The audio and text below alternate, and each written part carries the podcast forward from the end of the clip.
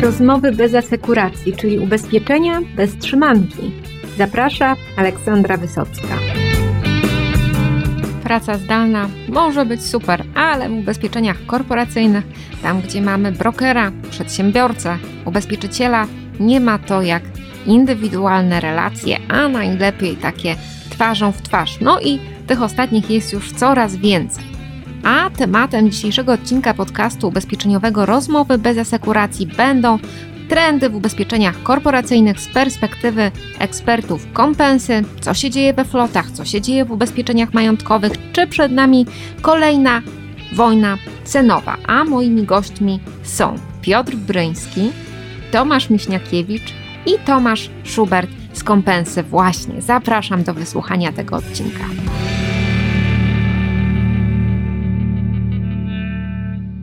Witam panów oficjalnie. Spotykamy się, mam nadzieję, domykając ten taką, taki najmocniejszy pandemiczny atak na, na ubezpieczenia korporacyjne. I czas na takie podsumowanie, no i też pierwsze wnioski przed Kongresem Brokerów, który szczęśliwie wszystko na to wskazuje, odbędzie się w połowie września w Mikołajkach. Trzymam kciuki, żeby tu żadnych niespodzianek od losu nie było. No i e, witam panów i tak spróbujemy różne te dziedziny korporyzyk z perspektywy kompensy podsumować. Może zacznijmy, jak to na naszym rynku wypada od komunikacji, czyli od flot, jeżeli mówimy tu o korpo. Co słychać we flotach, dlaczego jest tak tanio, a może już wcale nie jest tak tanio, czyli mhm. e, od cen i od komunikacji zaczniemy, to już najważniejsze będziemy mieli za sobą. Ja muszę powiedzieć, że w ostatnim czasie daje się zauważyć pewien spadek cen w ubezpieczeniach flotowych i generalnie myślę, że wynika to głównie z tego, że mieliśmy półtora roku gdzieś okresu pandemii, prawda? W różnej formie, nawet z bardzo mocnym lockdownem, kiedy w ogóle praktycznie samochody, pojazdy nie jeździły po drogach. Ruch w Warszawie był praktycznie prawie że zerowy przez pewien okres czasu, prawda? I wówczas częstość występowania szkód była bardzo niska. Wiadomo, bo jak samochody nie jeździły, to, to nie miał się kto z kim zderzyć i tak dalej. Były owszem szkody, ale ta częstość była zdecydowanie niższa. A od paru miesięcy wróciliśmy praktycznie do normalności, prawda?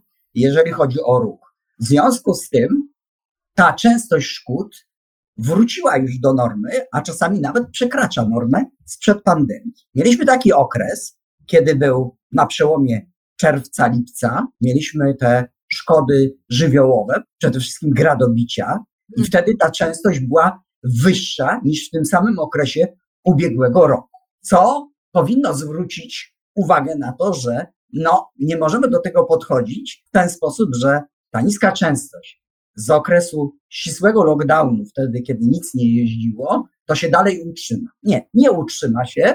W związku z tym powinniśmy do tego już podchodzić tak, jak przed pandemią. Myślę, że nie wszyscy tak to widzą i w związku z tym, no, w niektórych przypadkach mamy obniżanie cen do poziomu tego, który można by nazwać adekwatnym do częstości, która była w okresie pandemii. Takie podejście niewątpliwie spowoduje to, że za chwilę będzie rynek musiał się zmierzyć z wynikiem technicznym ujemnym, ja to tak szacuję, bo jeżeli to tak dalej będzie, a szczególnie myślę tu o końcówce roku wtedy, kiedy no wszyscy będą chcieli osiągnąć swoje plany, wtedy jeszcze być może będzie zauważalna zupełnie jakaś wojna cenowa, no to wtedy możemy mieć problem z wynikiem technicznym i cały rynek będzie miał problem z wynikiem technicznym, czyli no wrócimy do normalności, cyklicznie tam się powtarzają te okresy takie, prawda? Wtedy, kiedy mamy problemy z wynikiem technicznym, głównie wynikającym z pewnego wyścigu na rynku za wszelką cenę składka. Wynik może gdzieś tam przy okazji. To pytam, bo jeszcze nie spotkałam tak. 20 lat pracy w ubezpieczeniach żadnego mojego rozmówcy, który by uczestniczył w wojnie cenowej to zawsze inni ubezpieczyciele w tej wojnie uczestniczą. Więc rozumiem, tak tylko dopytam, że oczywiście kompensa w swojej strategii tutaj też nie uczestniczy w wojnie cenowej. Nie, nie uczestniczy. komunikacyjnych, korporacyjnych, no. tak? Nie, nie ja, ja myślę, że tak, że to się daje zauważyć, bo my pewnych rzeczy za wszelką cenę nie robimy, mimo że sobie dość dobrze radzimy z wielkością składki przypisanej, to wcale nie oznacza, że obniżamy ceny. Nie, staramy się ich nie obniżać. I obniżamy tylko tam, gdzie rzeczywiście widzimy taką możliwość. Są takie przypadki, ale do tego podchodzimy indywidualnie i staramy się to robić w sposób bardzo ograniczony. A co w takim razie robicie, bo rozumiem, że ceny e, staracie się trzymać no, na tym, żeby, żeby było rentownie, to się chwali. Co poza tym w ubezpieczeniach komunikacyjnych, flotowych dla Was jest teraz najważniejsze? Jakie macie cele i plany do, do końca roku, czy może nawet dłużej? Mm. Ja myślę, że tak. Najważniejszy cel to jest dodatni wynik. Tego od nas wymagają nasi właściciele i również nadzór. To jest pierwszy podstawowy cel. Więc my na ten moment e, mamy dobry wynik techniczny. Również też nie mamy problemu póki co z pozyskiwaniem składki przypisanej.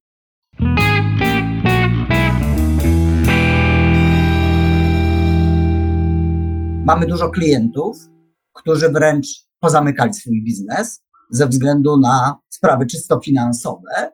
Mamy takich, którzy ograniczyli znacznie swoją działalność, a mamy też takich, którzy szukają innych rozwiązań niestandardowych po to, żeby jak najmniej zapłacić za ubezpieczenie, częściowo biorąc ryzyko na siebie. W ogóle kiedyś udział własny to było jakieś z kosmosu, e, prawda, stwierdzenie, bo e, gdzie na rynkach zachodnich to było tak, że to było normalne, wręcz tam praktycznie w ubezpieczeniach komunikacyjnych trudno jest znaleźć coś, co by nie miało udziału własnego, natomiast u nas nikt nie chciał o tym słyszeć. No dobrze, to tutaj mo może zajrzymy teraz do tych niekomunikacyjnych. Może tam cenowe strategie na rynku są racjonalne i tutaj nam nic nie grozi. E, czy możemy liczyć na coś takiego, panie Tomaszu? No ja obawiam się, że niestety nadal utrzymywać się będzie miękki rynek w ryzykach korporacyjnych non-motor, z tego względu, że mamy co najmniej 10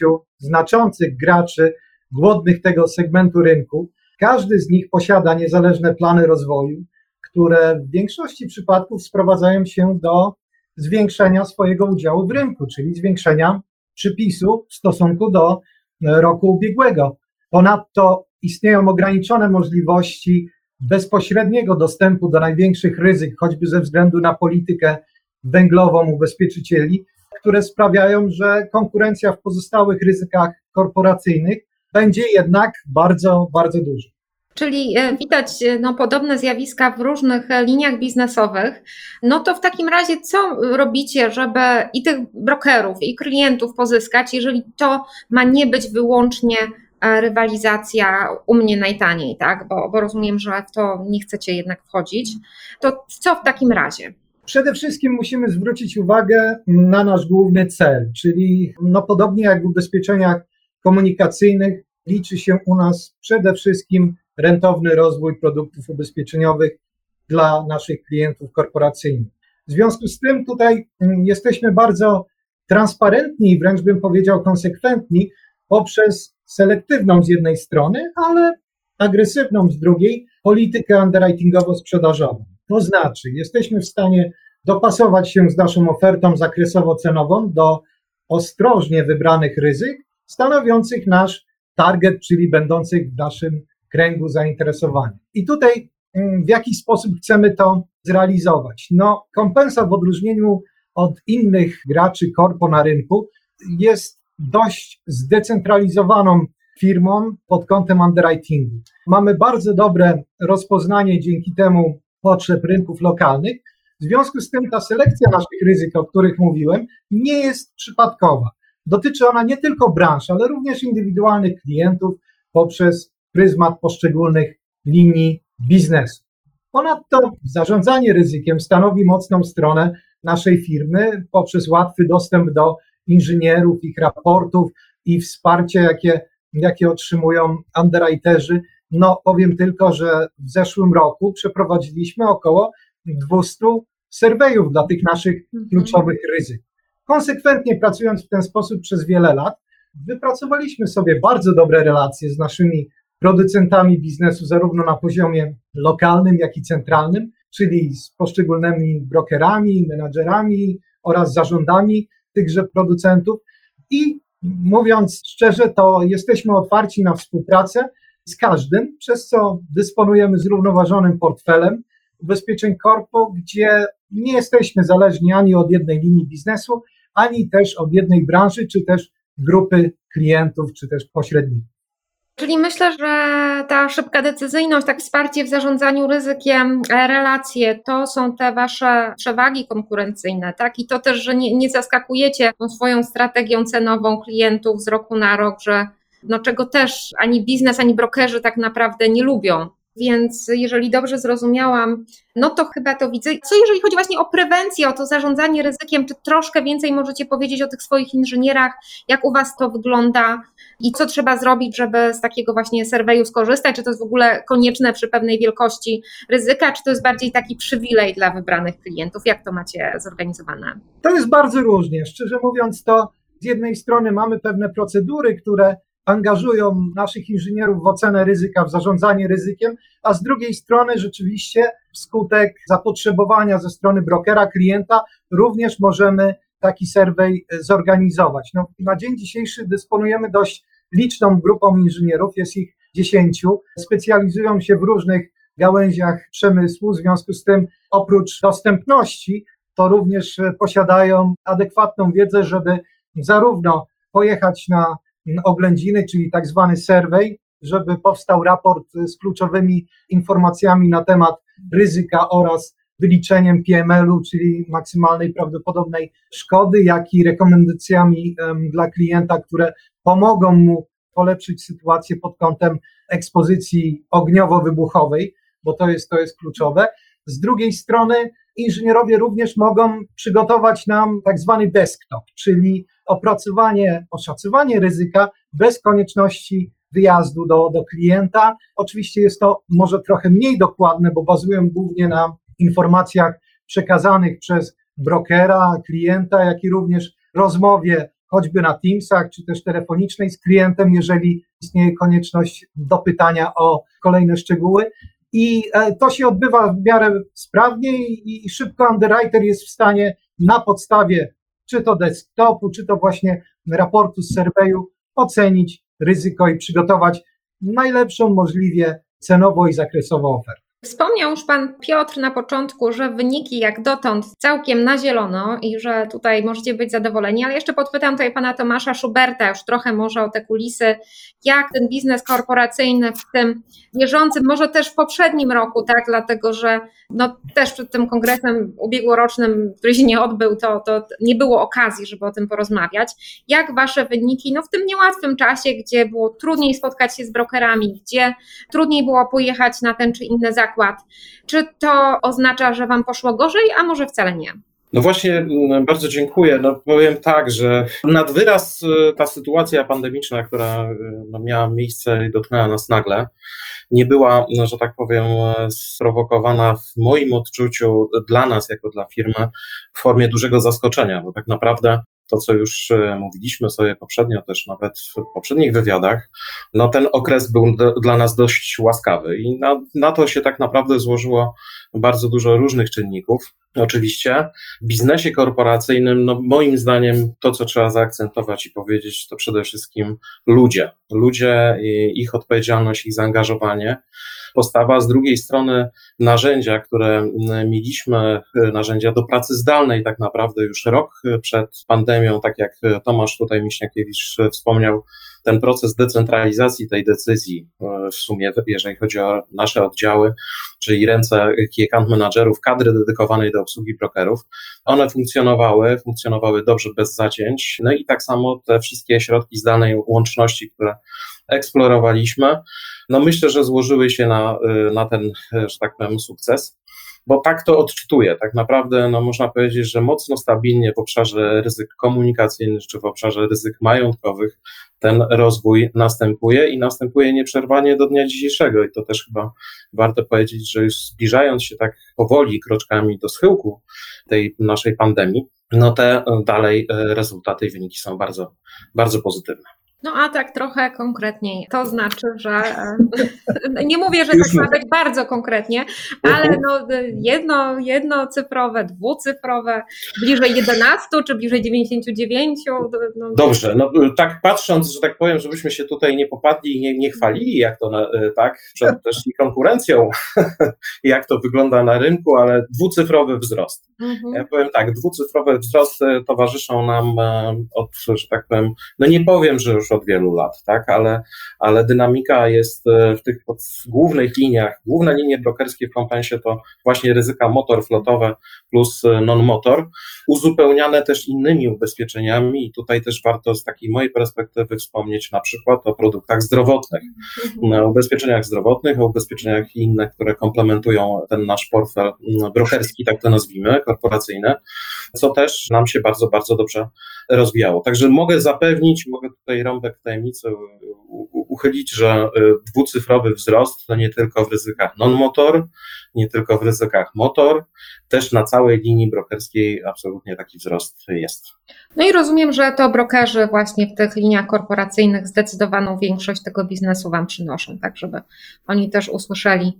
Tak, tak, tak, tak. To, są- to są duże ukłony z mojej strony, oczywiście, bo jestem osobą w kompensie odpowiedzialną za tak zwany kanał brokerski, czyli ten obszar biznesu, który jest domeną e, brokerów. E, No też uchylę trochę rąbka tajemnicy, że patrząc na nasz cały portfel, to tak zbliżamy się też w różnym czasie, ale krąży to tak między cyfrą 30 a 40% całego biznesu, jeżeli chodzi o, o brokerów, także duże ukłony, a to są oczywiście setki milionów złotych już dzisiaj. Także ten portfel, portfel jest bardzo, bardzo zacny. No i, i tutaj oczywiście duże, duże ukłony do środowiska, to, to Państwo jesteście kreatorem wspólnie z nami dążymy do takiego modelu, żebyśmy mogli wspólnym językiem rozmawiać na temat e, ubezpieczeń korporacyjnych naszych klientów i no, w ślad za tym no, ten sukces współdzielimy.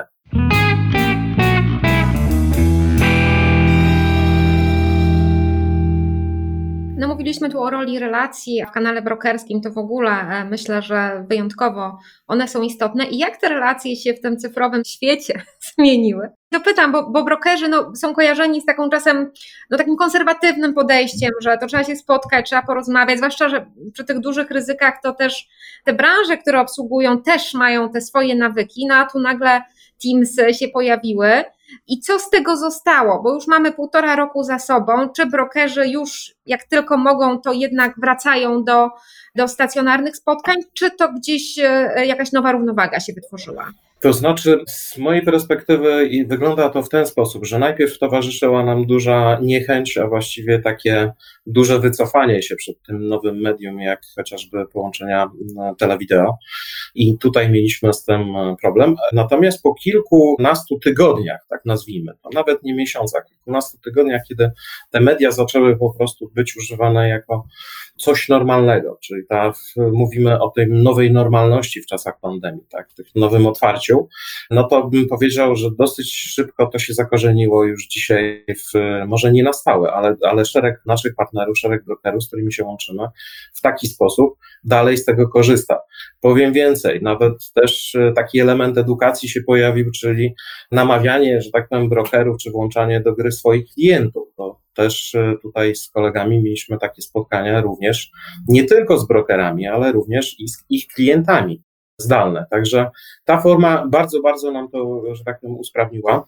Natomiast y, dążenie takie do tych, jak pani powiedziała, relacji interpersonalnych między ludźmi, no to jest coś takiego, czego pewnie taką formułą do końca no, nie wyczerpiemy i nie, nie, nie zastąpimy. Absolutnie. Powoli, powoli wracamy do spotkań bezpośrednich.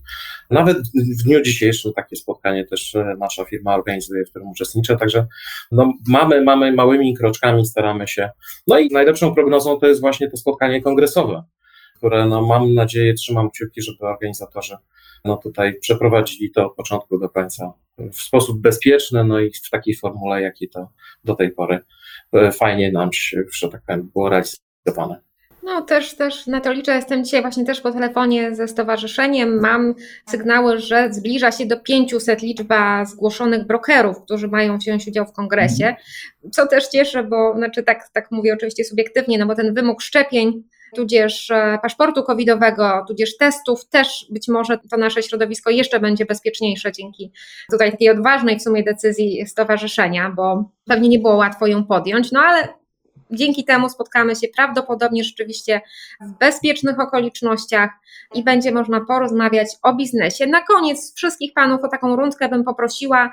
Też co brokerzy powinni jeszcze sobie o kompensie wiedzieć, co chcecie im przekazać, bo chyba będziecie no wyjątkowo obecni na, na tym kongresie, bo na tych poprzednich to tak było, no raczej stawialiście na te regionalne relacje, prawda, i ten kongres to tak no, różnie bywało. No a teraz jesteście i co tam chcecie osiągnąć, jeżeli możecie zdradzić, czy będą, będzie jakiś event, czy bardziej też jednak kuluary, ale w takiej większej drużynie już w Mikołajkach.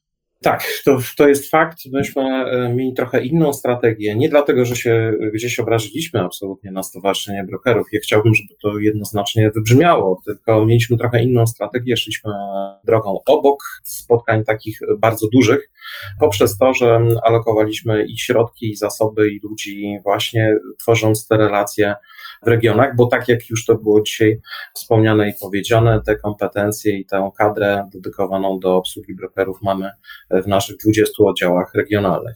No ja, ja chciałbym przede wszystkim no, przekazać jakby taką myśl podstawową, że kompensa i z kompensą myślę jest e, absolutnie chyba wszystkim po drodze.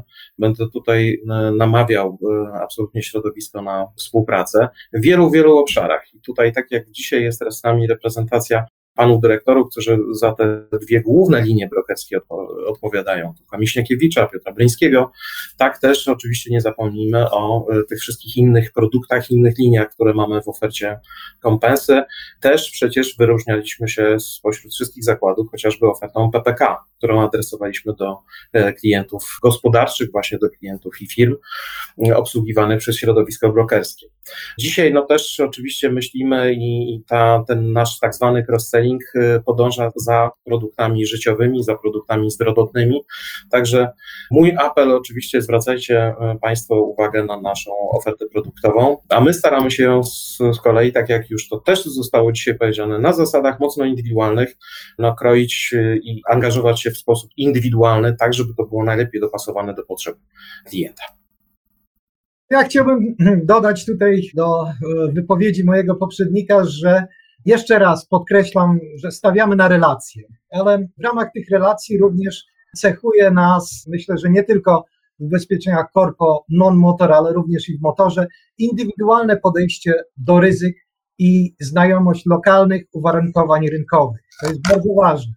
Czym pomaga nam stała kadra underwriterów rozlokowanych w największych aglomeracjach ryzyk korpo, oraz samych brokerów. Ponadto sprawny serwis poprzez szybkie odpowiedzi na zapytania ofertowe, nawet te odmowne, bądź też płynna likwidacja szkód w postaci dedykowanych dla brokerów likwidatorów nastawionych przede wszystkim na podejście biznesowe dla klienta, powodują, że brokerzy chętnie z nami współpracują, a my z nimi. Zaczęliśmy od komunikacji, kończymy tak. na komunikacji. Panie Piotrze, mhm. głos.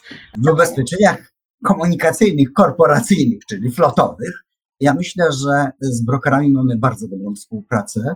Nam te relacje układają się, ja śmiem określić jako bardzo dobre i mm, mało z tego. My próbujemy szukać pewnych rozwiązań niestandardowych na rynku.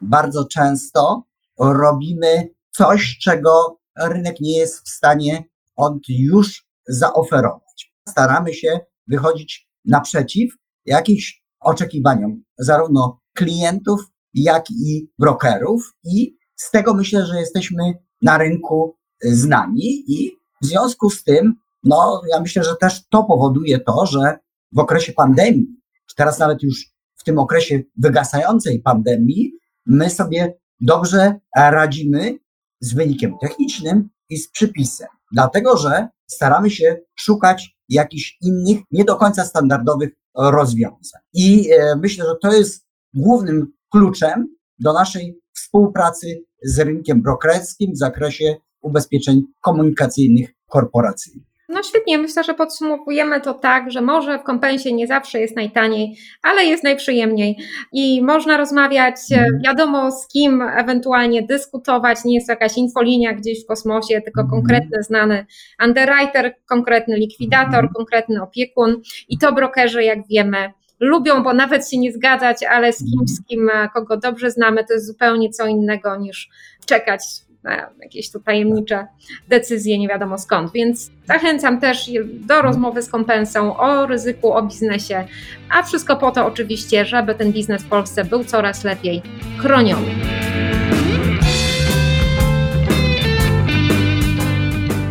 Mam nadzieję, że dożyję kiedyś czasów, gdzie ryzyko będzie mierzone w taki sposób, że nie będzie miejsca na wojny cenowe wywołane ambicjami, apetytami na wzrosty, czasem również kątem rentowności i kosztem rozsądku. A relacje zawsze są ważne. No a tak jak zaczęliśmy ten podcast w ubezpieczeniach korporacyjnych, absolutnie kluczowe. Dlatego takich merytorycznych, przyjacielskich, ale nigdy nie kosztem biznesowego rozsądku relacji. Życzę wszystkim słuchaczom podcastu ubezpieczeniowego Rozmowy bez asekuracji. Do usłyszenia w kolejnych odcinkach.